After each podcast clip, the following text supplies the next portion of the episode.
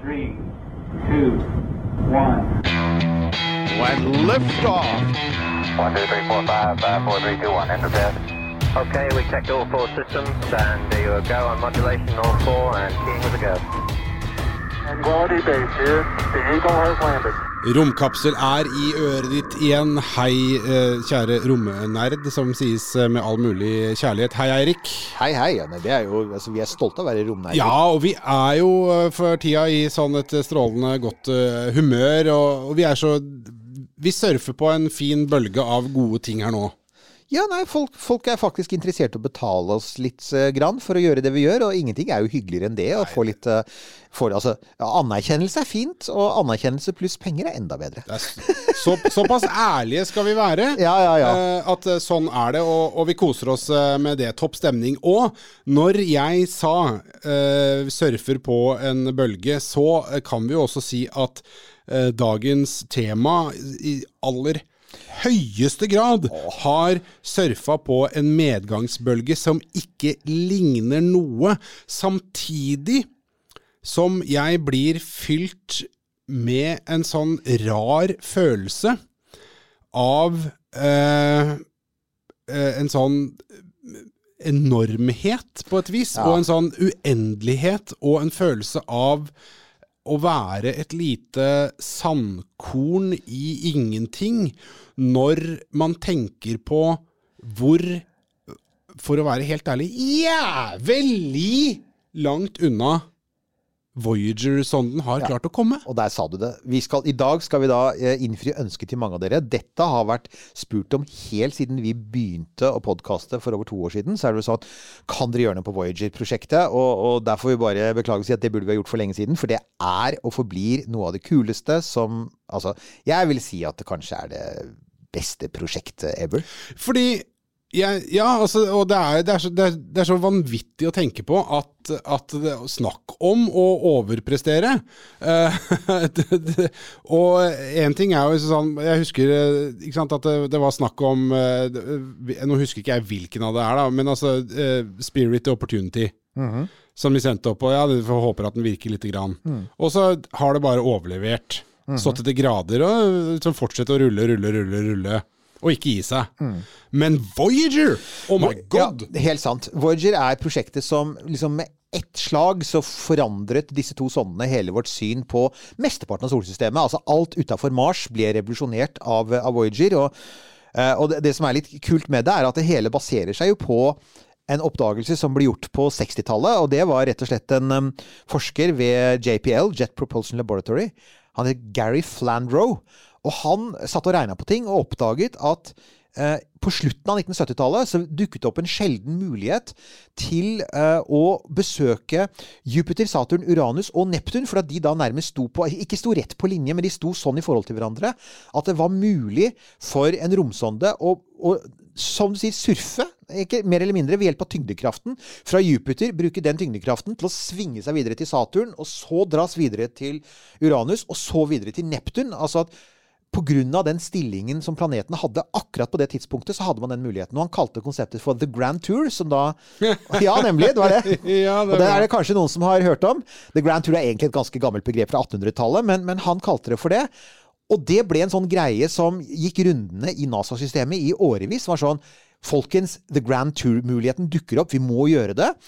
Og, og så, så tenkte NASA seg nøye om, og så til slutt fant de ut at det skulle de gjøre. Og disse sondene de ble jo da, ble jo da bygd. Eh, fikk, og de ble dyre. Altså de var, jo, eh, de var jo de dyreste romsondene man hadde sendt utover i solsystemet. Hvert hver krone. Hvert hver har det krone. vist seg i ettertid, da. og, og de var jo svære. Altså, øh, hver sonde er jo hva er det, tre kvart tonn. Uh, har kjempesvære radioantenner, og det er fordi at de, de, de skulle jo langt, Langt de skulle langt ut. Sånn at det er ikke så lett du, du, Når du ser på bilder av dem, så er det ikke så lett å se faktisk at antennene er jo noe sånn som fire meter i diameter. Eh, de har selvfølgelig utstyrt med kjernekraftverk. eh, ellers så hadde dette aldri gått. Eh, de er utstyrt med hauger på hauger på hauger av instrumenter. og da var det liksom de beste kameraene, de beste spektrometrene og magnetometerne. Altså alt, alt, alt JPL og NASA liksom kunne koke opp av bra utstyr. Og de hadde en ting til som var, så vidt jeg vet, var ganske unikt. og Det var at de var de første sondene som kunne reprogrammeres på, de, på avstand. Det ble en fordel da de ble sendt utover, fordi at man oppdaget at uh, underveis til eh, de ytre planetene så fant NASA ut en måte å komprimere, bilder på som gjør at du kunne få overført bilder raskere, overført flere bilder. Og ble da, da ble altså faktisk sondene etterprogrammert på veien ut. Så, så ja, uh, dette her var, uh, dette var det beste som fantes av høyteknologi for sin tid. Og så ble det altså sendt utover. altså Voyager 2 ble skutt opp i august 1977. Eh, og da, det, det var den sonden som Ja, for de skulle litt forskjellige ting, ikke sant? Hvordan var dette her? Jo, det var akkurat det. Eh, ikke ja. sant? Så, og, og, og det er sånn at Voyager 2 blir, Voyager 2 blir skutt opp før Voyager 1. Uh, skutt opp i august eh, 77, og er da skytes da i en sånn retning at den passerer planeten Jupiter i 1979, Saturn i 1981, Uranus i 1986 og Neptun i, i 1989. Og dette kunne man si helt sikkert, for det er alltid sånn altså Planetbaner og sånne ting er jo sikre. Den andre ble skutt opp eh, måneden etter, september. Um, Voyager 1, og den skulle bare forbi Jupiter og Saturn. Og det var fordi at man opprinnelig hadde tenkt Man så plutselig at det dukket opp en annen mulighet, og det var hvis du svingte rundt Saturn på en viss måte, Ja. så kunne du komme til det som da var den niende planeten, nemlig Pluto. ja. Og vi sånn nettopp, Ja, vi, husker, jo- vi vi snakket jo nettopp om eh, og, vi, og I den episoden om Pluto så var vi inne på at der gjorde NASA et valg. Og det var Du, du kunne velge når du, Med Voyager 1 så kunne man velge Skulle Voyager 1 fly veldig nær Saturns måne Titan, som også er kjempeinteressant, eh, eller skulle man istedenfor fly lenger unna Titan og, og, og gå for Pluto? Og som hun vel eh, sa da, og som hun godt kan si igjen Jeg tror mange i ettertid har funnet ut at det antagelig hadde vært en innmari god idé å fly rett til Pluto. Ja. da hadde vi visst masse om det ytre ja, solsystemet gjorde, før. de, gjorde, de valgte, feil, rett og Det slett. er mange vil si at de valgte man- feil. man si. Uh, så Men skal vi bare eh, Og nå kommer jeg til å sparke inn eh, åpne dører her, eh, vil jeg bare. Men jeg bare syns for, for ordens skyld er greit å si at Voyager er jo den gullplata og den tegningen og det greiene der. Bare sånn at det er sagt. Da, Mm. det er helt riktig, og vi skal si litt om det etter hvert også, for det er, det er- en artig historie i seg selv. Ja. Men det viktige her, altså det, det som, eh, og det som gjør at man pleier å si at liksom, det er ingen over, ingen ved siden når det gjelder Voyager, det er de oppdagelsene som Voyager gjorde med instrumentene sine. Så for eksempel eh, når Voyager da kommer til eh, først passerer Jupiter, noe av de første de oppdager er jo at en av Jupiters måner, Io, de oppdager eh, at eh, den har vulkanutbrudd. De ser jo svære skyer som henger over den, og skjønner at dette skyldes utbrudd på overflaten. IO er jo dekket av eh, er, har, De pleier, ofte, den pleier ofte å kalles for pizzamånen. Og det er fordi at den ser ut som en pizza uh, på bilder. Altså det vil si at den er sånn oransje-brun. Den har svære brune ringer som ser ut som pepperoni.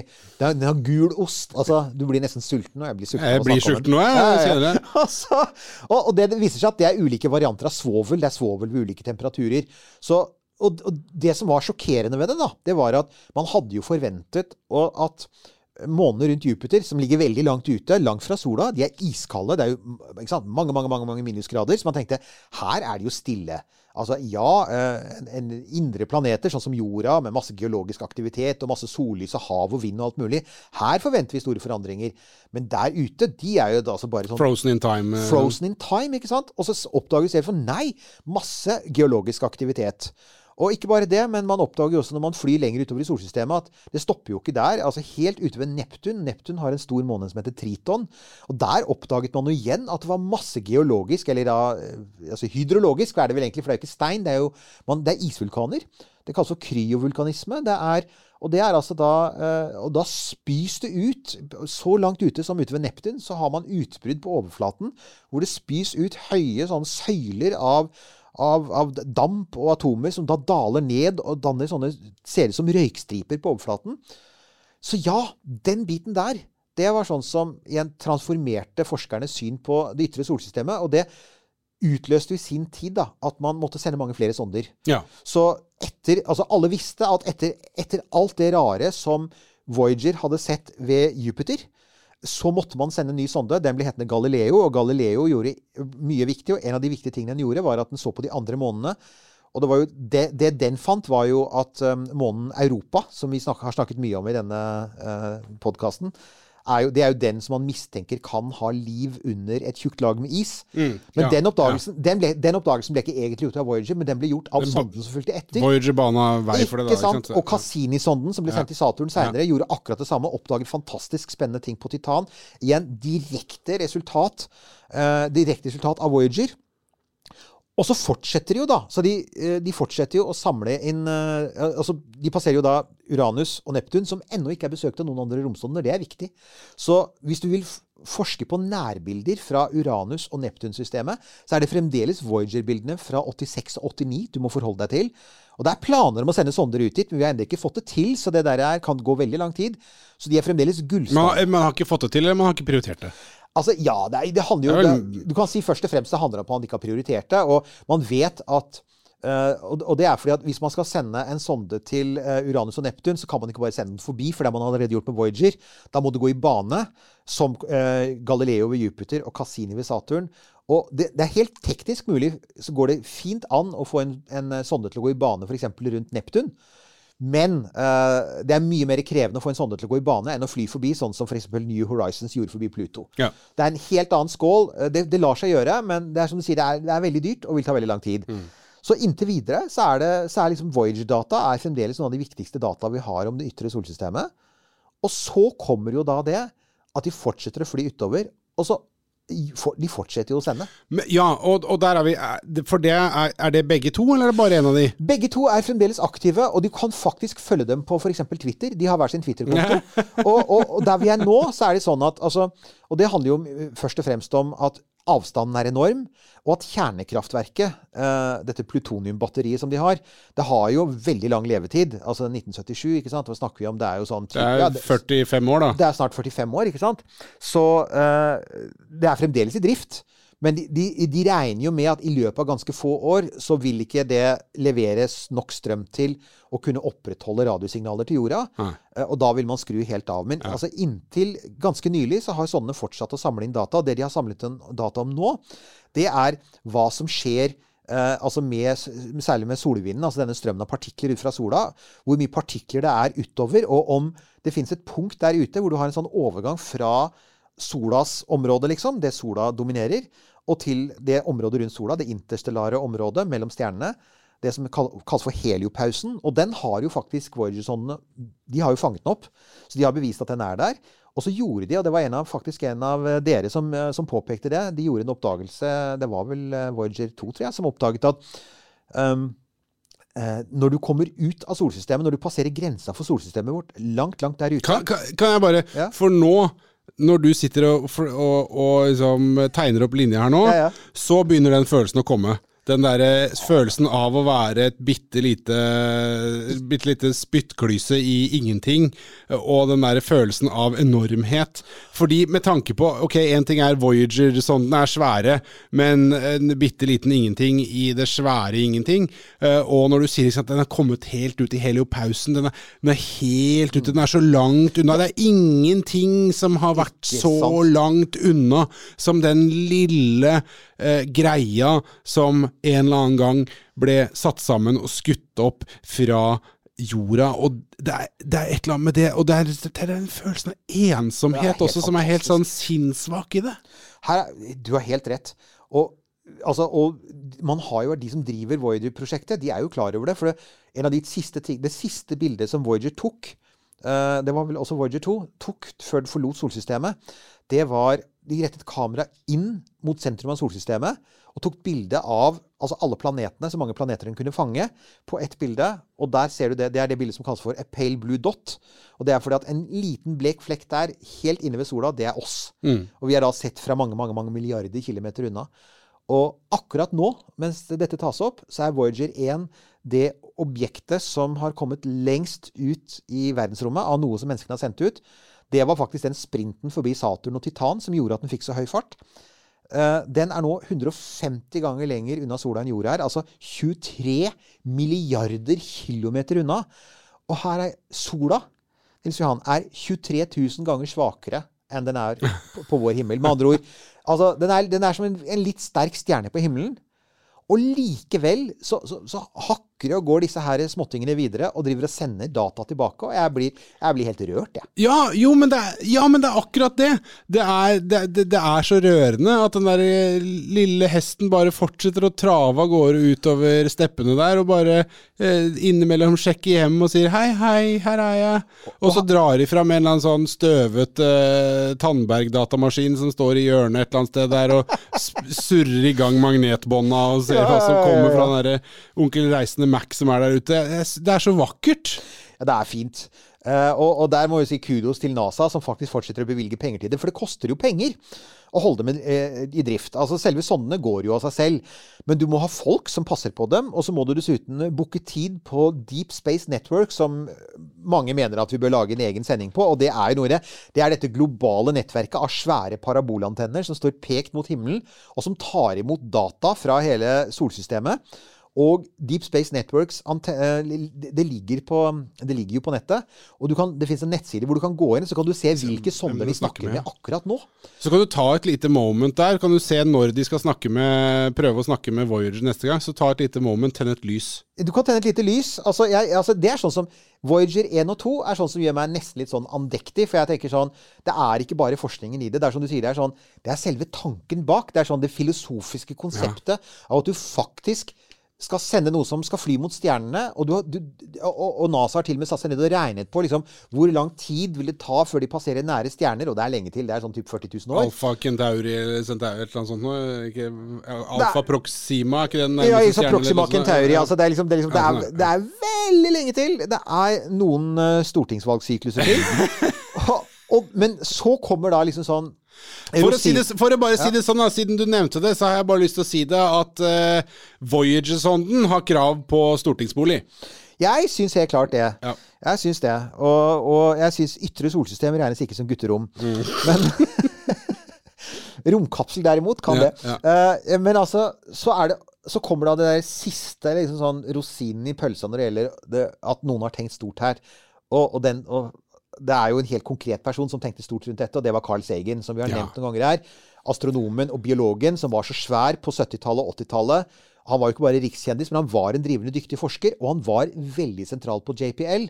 Og Carl Sagen hadde fått gjennomslag for at to foregående sonder, eh, Pioner 10 og 11, som hadde fløyet ut til De var pionerer, de fløy forbi Jupiter og Saturn med mye dårligere instrumenter noen år før. At de hadde fått på en sånn liten plakett som kunne fortelle aliens som eventuelt fant dem, hvor de kom fra. Ja. Og så sa han la oss uppe det gamet, la oss liksom ta det til neste nivå. Vi skal ikke bare ha den samme plaketten med litt bedre instruksjoner på, men det skal være, plaketten skal være dekselet på det som faktisk da er en plate. Og det, den er altså omtrent som, som en LP-plate. 30 cm. Ikke omtrent, det er en LP-plate. Det er en LP-plate. Det er samme, samme diameter. Det er en analog plate. Den er selvfølgelig ikke laget i vinyl. Den er laget i kobber, som er dekket av gull. Men den er altså faktisk Du har riller, og du har små dumper i den, akkurat som i en LP-plate. Og så har du faktisk lagt ved en nål. Og så har du lagt med instruksjoner av hvordan du kan bruke nåla til å følge rillene med nåla.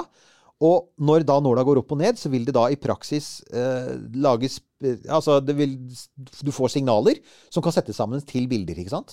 Så, Ja, altså du kunne du, Hvis du hadde nå tatt en Uber ut til Voyager og, og henta tilbake den plata eh, God tur, forresten. Mm. Eh, så kunne du spilt av den på en, eh, en LP-spiller som du mange har hjemme igjen. Du måtte jo da, du måtte kunne dekode det, og selvfølgelig du må også kunne forstå det som står av instruksjoner. For på coveret til eh, denne plata så står det instruksjoner til ikke bare hvordan du leser av de rillene, men hvordan du dekoder det, sånn at du faktisk får bilder og lyd. Og det, her er det for eksempel det er 115 bilder som er lagt inn på plata. Det høres jo ikke mye ut, for at det er jo en stor plate, og en, en DVD kan jo legge inn millioner av bilder.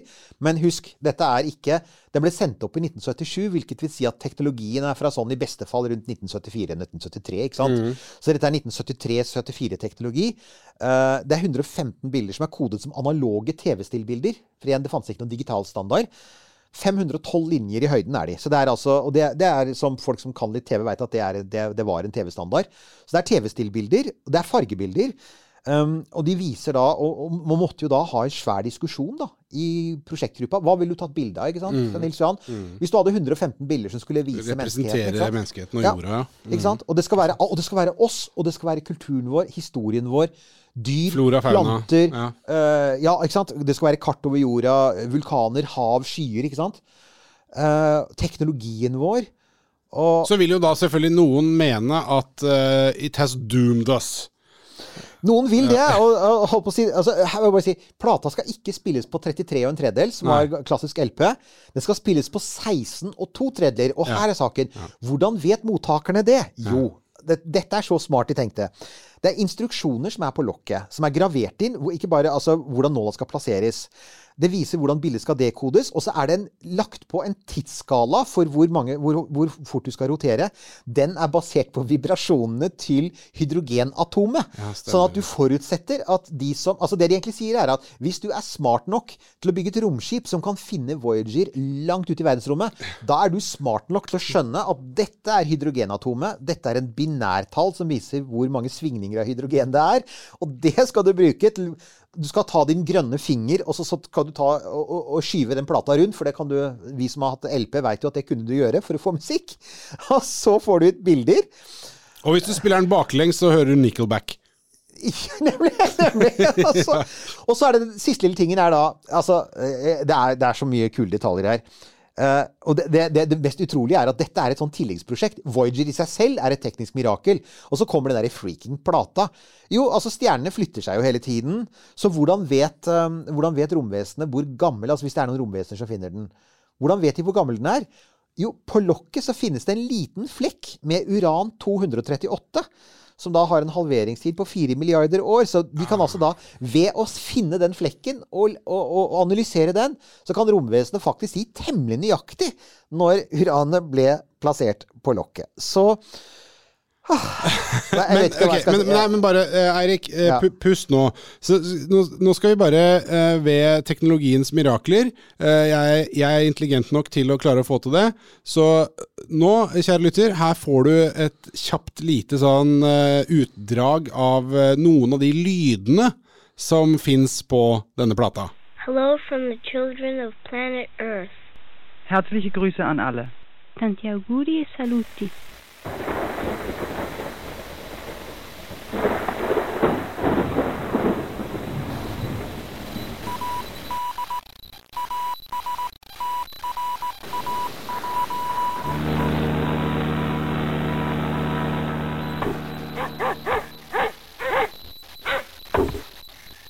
ليت يجمعنا الزمان. Hartelijke groeten aan iedereen. Audigiano. Her har du da det var liksom lyder eh, som er på, på den plata. Illustrerende nok på et vis. Litt sånn kjedelig å høre på, så gidder ikke å spille så veldig mye av det.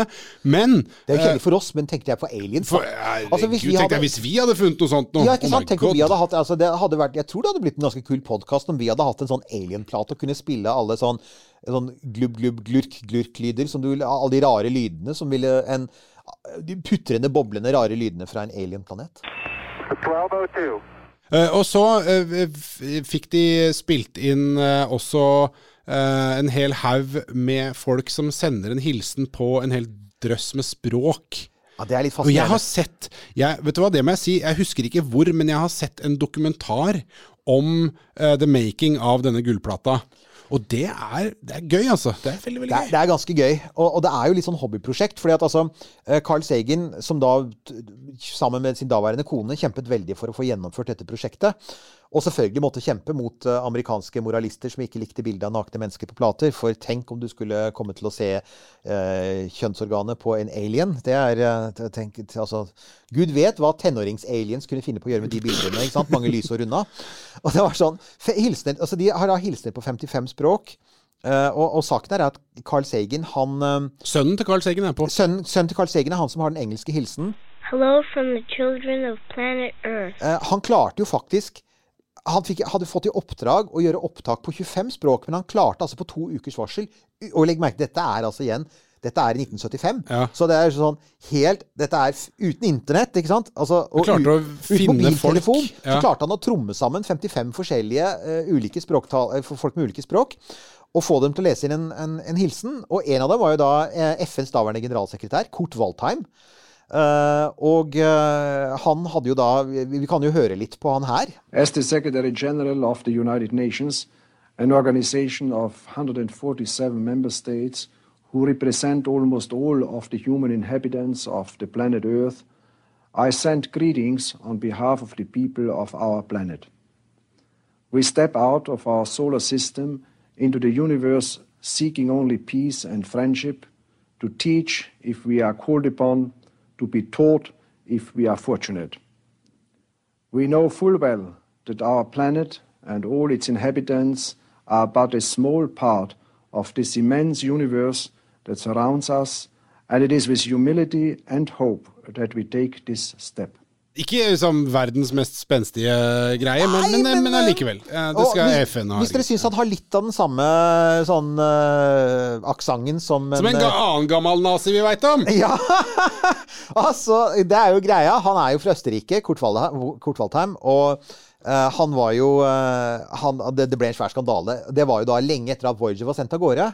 Så ble det en stor skandale ved at eh, han fikk avslørt en ganske stygg nazifortid.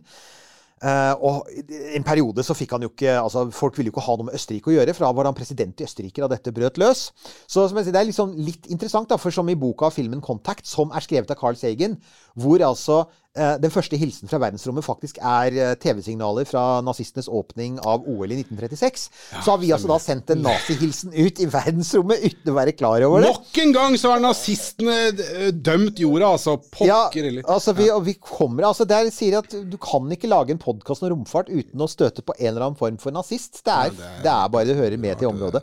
Og så er det musikkvalget, og det var en ting Det var han også veldig opptatt av. Ja. Du skal velge musikk, og, og igjen, Carl Segen var en veldig moderne og fremoverlent mann, så han sa eh, plata skal representere hele kloden. Så da skal du ha Det er tradisjonell musikk fra sånn type Japan, Java, eh, Bulgaria, Solomonøyene. Og så er jo saken da at du skal også ha komponert musikk med komponister. da. Og da er det sånn type eh, Det er Bach, det er Mozart, det er Chuck Berry, Louis Armstrong. Og som da mange har påpekt eh, Chuck Berry er det nyeste som er på den plata. Eh, og etter Chuck Berry er det kommet litt musikk, så de har liksom hele 60-tallet er tatt bort. Ja, men Uh, Og det har jo du skrevet her. Altså No Beatles, uh, ikke sant? Ikke sant? Men jeg, jeg mener å huske at det var jo ikke bare på grunn av Sagen, det var også på grunn av Beatles. Det kan Jeg gå- mener å huske Du, at det det var noen greier der. Sånn for at det, for det, altså bare sånn En mer kontemporær eh, sammenligning, da. Så tok det jo veldig lang tid før Beatles var å finne på f.eks. Spotify. Fordi de var så innmari gniende på rettighetene sine. Og når du sier Og jeg mener ja. å huske at det var noen greier der òg. Sånn at Beatles ble forespurt, men de var sånn Nei, ikke Vi skal ikke Nei. Du tror kan, det du, kan- du kan ha rett, og i så fall så legges det så vi, Jeg husker ikke vi kommer det, nei, men da, så, Og det, det skal vi researche, og da legger vi eventuelt ut under vår, um, vår uh, På vår Facebook-side, hvor vi legger ut det- der dukker det jo gjerne opp litt tilleggsopplysninger. For eksempel så ble jeg fortalt her om dagen at uh, vi hadde en episode hvor vi uh, snakket om Hvor jeg tror jeg, jeg sa et eller annet om hvor mange lastebillass en typisk uh, Ja, og, der, stemmer. og da var det en Og det kan bare si, kan ikke si noe annet enn at nok en gang så har dere oppdaget hvorfor dette ikke er en lastebilpodkast, for det var helt feil. ja, vet du hva? Men det, for at jeg, eh, jeg som, som den beskjedne og, og, eh, og sånn rolige typen jeg Ja, er- så, så ville jeg ikke si noe på det. Men jeg, jeg stussa litt på det regnestykket der og, og tenkte at det, det var da voldsomt til trekkraft på disse lastebilene. Men så, så kom det noen nye regler for noen år siden hvor det var lov med lengre sånn, Ja, pluss at jeg har, trailere jeg har kost meg veldig mye med Outback Truckers, en veldig morsom serie om uh, folk som kjører lastebil i Outbacken. Ja, ja. Og der er liksom minilasten der er 120 tonn, så det er sånn, det er sånn de har sånn road trains. Men uansett, da. Så, så det kan godt hende at vi har uh, skødda litt på det. Men, men, men ja, uh, uansett. Beatles, Queen, ABBA, David Bowie, ingen av de er med. Det er, de, de, de er ikke med. Um, men det er god musikk, altså. Og det ligger jo faktisk på Altså, vi kan jo ikke spille det her av uh, copyright-grunner. Og uh, altså, det er sluppet Det er sluppet en plate som inne, Det er sluppet plater der ute som og CD-er som inneholder all denne musikken eh, på lovlig vis. Og så fins det spillelister på Spotify. Og det er bare å si sånn Voyager Golden Record. Så går de på Spotify, og da vil du finne at folk har samla de samme artistene og de samme, samme gjengivelsene. Eh, for, altså, min favorittlåt der er for øvrig da Blind Willie Johnsons Dark Was The Night, som er en sånn eh, en klassisk blueslåt. Så, så ja, uh, helt fantastisk. Jeg, vet du hva, jeg, jeg syns det Jeg, jeg syns det er jo også en morsom greie, den der med at man har gjort en del sånne antagelser om at er de smarte nok til å finne greia, så kan de for pokker klare å finne ut hvordan de skal deschiffrere og spille alle greiene her. Det finner de ut av. Ja, og da kommer du til det som du var litt inne på, da, som er den der siste lille sånn twisten der, som er Men hvor lurt er det egentlig å sende ut eh, det som for alt vi vet kan være noe som blir oppfattet som en uh, buffémeny Ja. til uh, ut i verdensrommet, Og det med var instruksjoner til hvor du Stephen finner parkering. Hawking var vel veldig kritisk til det greiene sant? der og syntes at det var en skikkelig, skikkelig dårlig idé. Og det er jo selvfølgelig et poeng. Det vi kan si er at der er selvfølgelig våre radiosendinger eh, er en mye større problem. For det går med lysets hastighet, og det går i alle retninger. Mens disse, altså Pioner eh, 10 og 11 og Voyager 1 og 2, er eh, bitte små og, og vil antagelig aldri bli eh, funnet av noen aliens. Vi kan for øvrig Skal aldri si aldri. skal aldri si aldri, så får vi nevne altså at New Horizon, som fløy forbi Pluto, den har jo ikke en sånn plakett på seg. Nei. Så fra nå av Vi har gått over til å sende ut anonymiserte romsonder. Vi har lært. vi gjør ikke, vi gjør ikke Ja. det mer, folkens. Det er bare rolig.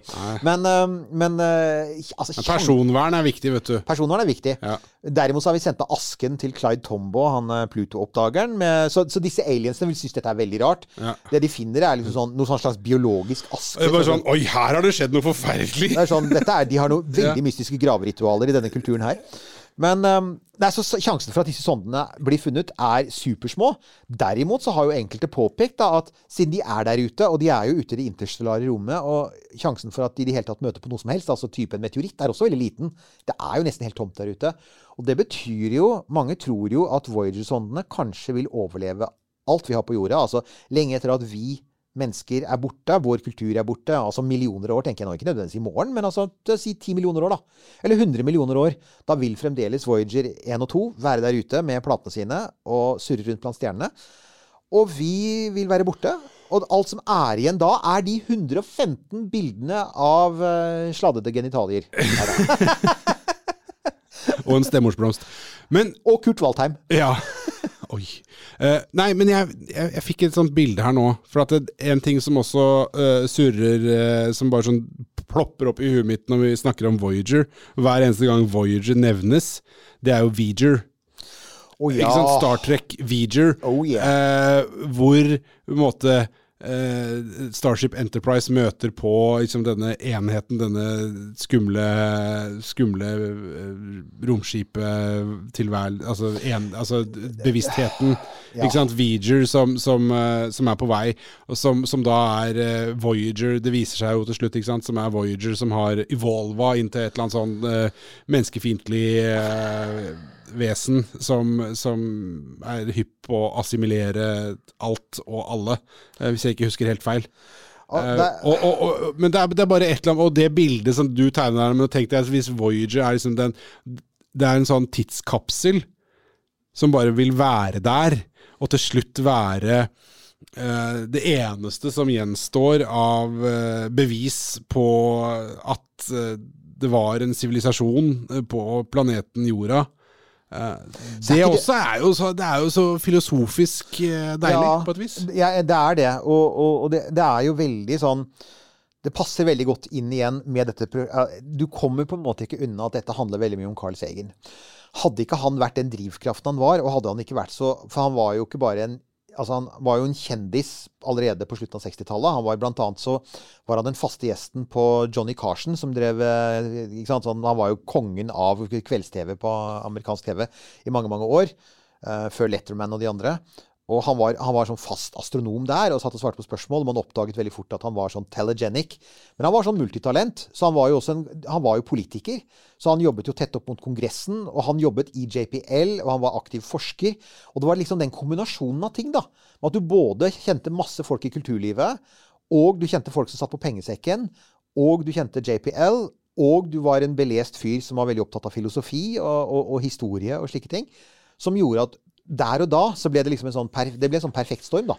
Og derfor så, så, så ja, uh, Voyager 1 og 2 er på den ene siden Det er jo en sånn eh, minnesmerke og en hyllest til menneskene, spør du meg, på sitt beste. Ikke sant? Det er Apollo, månelandingene for meg, og månelandingene og Voyager. Det er for meg liksom Det viser hva vi mennesker kan gjøre når vi virkelig er ålreite, ikke sant? Men du, det som er litt gøy nå Legg merke til hvordan vi etter hvert har begynt å snakke om eh, Voyager her nå.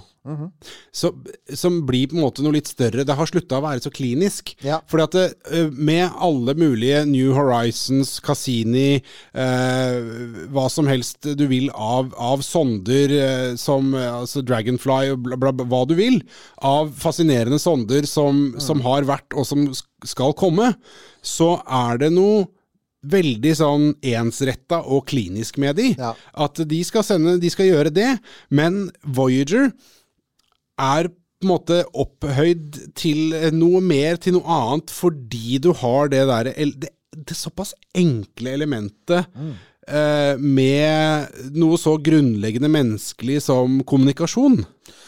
Altså, og no, ja. Mm. Uten å bli for, for svulstig og for, for fluffy her nå, men det er noe med det som gjør det til noe større.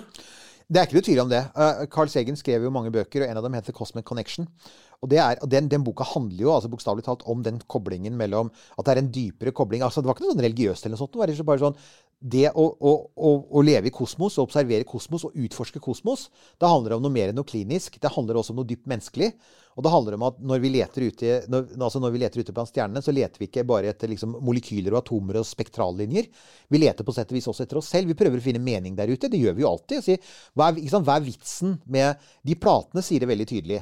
For det er jo uh, Voyager-platene er jo også et slags håp, ikke sant? Vi håper jo, altså jeg gjør jo det, jeg håper jo virkelig det fins noen der ute som er i stand til altså En dag sitter det noen med noen sånne der antenner og, og, og 14 bein og driver og prøver å finne ut av den der lille nåla og prøver å dekode, ikke sant. Man ser for seg det derre laboratoriet hvor disse, det sitter noen og, Så det er jo et håp om det, og, og det representerer han også veldig. Han representerer en sånn optimisme da, på vegne av menneskeheten og vitenskapen som jeg liker veldig godt.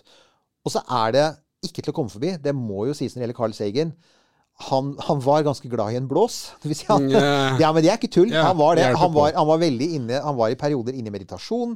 Han er litt sånn produkt av 60-tallet. Han er yeah. litt hippie. Det er bare å se på, altså, se på stilen, håret hans, måten han snakker på.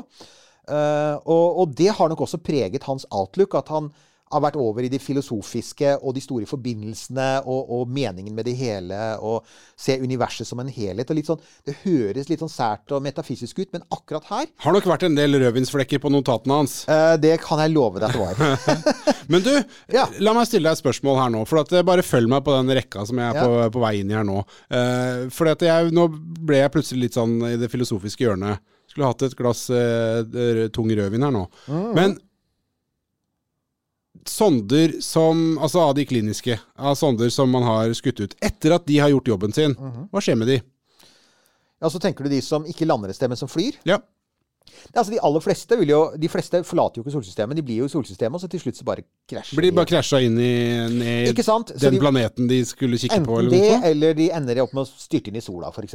Ja, ok. Så, så jo- de, men de fleste får jo en sånn skjebne, ja. Men Ja. at de bare ikke ender noen steder. tanke. Mm. Hva hvis man hadde tatt opp i seg litt dette, her, uh, dette aspektet, og, og på en måte latt, uh, latt Stephen Hawkings uh, dommedagspessimisme være med det, Mm. og tenkte at ok, la oss nå eh, For at det løpet er jo egentlig kjørt for lenge siden. Hvis det er noen der ute så, som Ja på en måte leit, gjør på samme måte som oss, da leiter etter noen andre, så hadde de jo funnet oss. Altså, Eh, for vi, altså- har, vi har sendt ut radiosignaler, som du var inne på her, i, i i- årevis. Og i ca. tre milliarder år så har jorda hatt, hatt svære grønne flekker på en blå bakgrunn og med hvite skyer. Ja. Så, så har, du, har du godt instrument, så har vi milliarder av år, så har folk kunnet si at her var det noe. Om ikke Ja. nødvendigvis en sivilisasjon, så var det noe her. Ja. Og da eh, tenker jeg, hvis man da hadde gjort det sånn at på hver sonde som eh, sendes av gårde, Mhm. så etter at den har gjort jobben, bare gi den et lite puff, Ja. ut med en eller annen form for uh, tilkjennegivelsesmarkering i form av en eller annen sånn gullplate. Eller, Så herregud, nå kunne man jo nesten hatt en, en skjerm som bare viste folk som vinka på, på et vis. eh, som bare sto der som en sånn reklameplakat. Live-feed av Instagram. Nei. Nei, nei, nei, nei, Nei, nei, nei. Skal man vokte seg noe jævlig for hvilke kontoer man i hvert fall har opp der. Influenser til stjernene. Å, Ja. gud a meg, jeg kaster opp. Eh, nei, men bare okay, tanke. Tanke. Ja. Altså, ja, ja. Jeg liker tanken veldig godt. Jeg, for jeg, jeg tenker Altså uh, Du kan si uh, Og dette handler jo litt om hvordan vi ser på aliens også. Men at synet vårt på aliens er faktisk ganske preget av den tiden vi lever i. Så for eksempel det er ikke tilfeldig at det kommer så mange sånne aggressive alien-filmer på 80-tallet. For at tonefallet på 80-tallet var veldig aggressivt. Ja. Det var jo en sånn ny kald krig med liksom striden mellom Ronald Reagan og Leonid Brezjnev og de døende sovjetlederne og alt det der. Uh, mens 60-tallet og 70-tallet, ikke minst 70-tallet, er preget av en mye større optimisme. Det er da du får sånn film som 'Nærkontakt av tredje grad', ikke sant? hvor, hvor altså, romvesener i bunn og grunn er positive. Og, og sant å si, selv om Star Wars heter Star Wars, så skal vi ikke glemme at Star Wars-universet er et univers der folk stort sett lever side om side. Altså aliens og menneskelignende vesener går jo på samme bar, og de driver med litt lasersverd og skyter på hverandre og sånn. Han slått først, men, men allikevel. Det er, det, det er sånn Stort sett, da, så er det sånn at det er ikke sånn at aliens bare er for å spise hverandre. Og det, vi må ha med det i bakhodet at når, når disse sonnene ble planlagt, så tenkte man sånn. Og jeg tenker at, at det er ikke noe grunn til at ikke vi kan komme tilbake til det. For det ene er like rasjonelt som det andre. Så jeg syns det er en kjempegod idé. At vi burde, egentlig så burde vi ha en standard for det. Det er mye bedre at, vi standardiserer på det, snarere enn at det er opp til om du har en litt sånn kul, cool, smart, hippie-aktig professor som sier 'dette bør vi gjøre', som var det som var greia, da. ja, ja, ja, ja. Ja, nei, bare en tanke. Men uh, Ja. før vi ramler helt ned i bånden av den uh, tunge chile- chileneren, så har jeg bare lyst til å nok en gang nevne at eh, vi er back in the merch game. Det er vi. Romkapsel.no. Eh, der finner du den informasjonen du trenger for å kjøpe en T-skjorte. Eh, det kommer noen kopper eh, nå veldig snart også, hvis du har lyst til å drikke kaffen eller teen eller kaffedoktoren din eller hva nå du har i deg. eh, fra- Space Tea. Need we say more? for eksempel. Eh, så, så kommer det også rett rundt hjørnet. Det foregår på en litt sånn analog måte, for det er undertegnede som sender ut dette sjøl. Så eh, vi bare, det er viktig å følge de instruksjonene som står på romkapsel.no om how, how to bestille. Og det setter vi jo selvfølgelig veldig stor pris på eh, at du vil gjøre. Vi har da romkapsel-logo-T-skjorte, og så har vi også noen eh, What Would Werner von Brown Do? T-skjorter. Eh, Der var han nevnt nok en gang i denne episoden. Den T-skjorta er en glimrende anledning til å minne om det, fordi at det hender vi får klager på at vi ikke har nevnt det. Folk føler at det er, en, en, det er ikke noen ordentlig romkapselshemning uten at von Braun er nevnt. Det er liksom litt tomt og kunstig. Og Musk, ja. Ja, da var det gjort. Eh, tusen takk for at du fortsetter å høre på Romkapsel. Hjertelig tusen takk til alle som har vipset oss også. Newt, eh, eller Romkapsel, Newt og Halvorsen heter vi der. Eh, tusen hjertelig takk for, eh, for alle frivillige lisensinnbetalinger.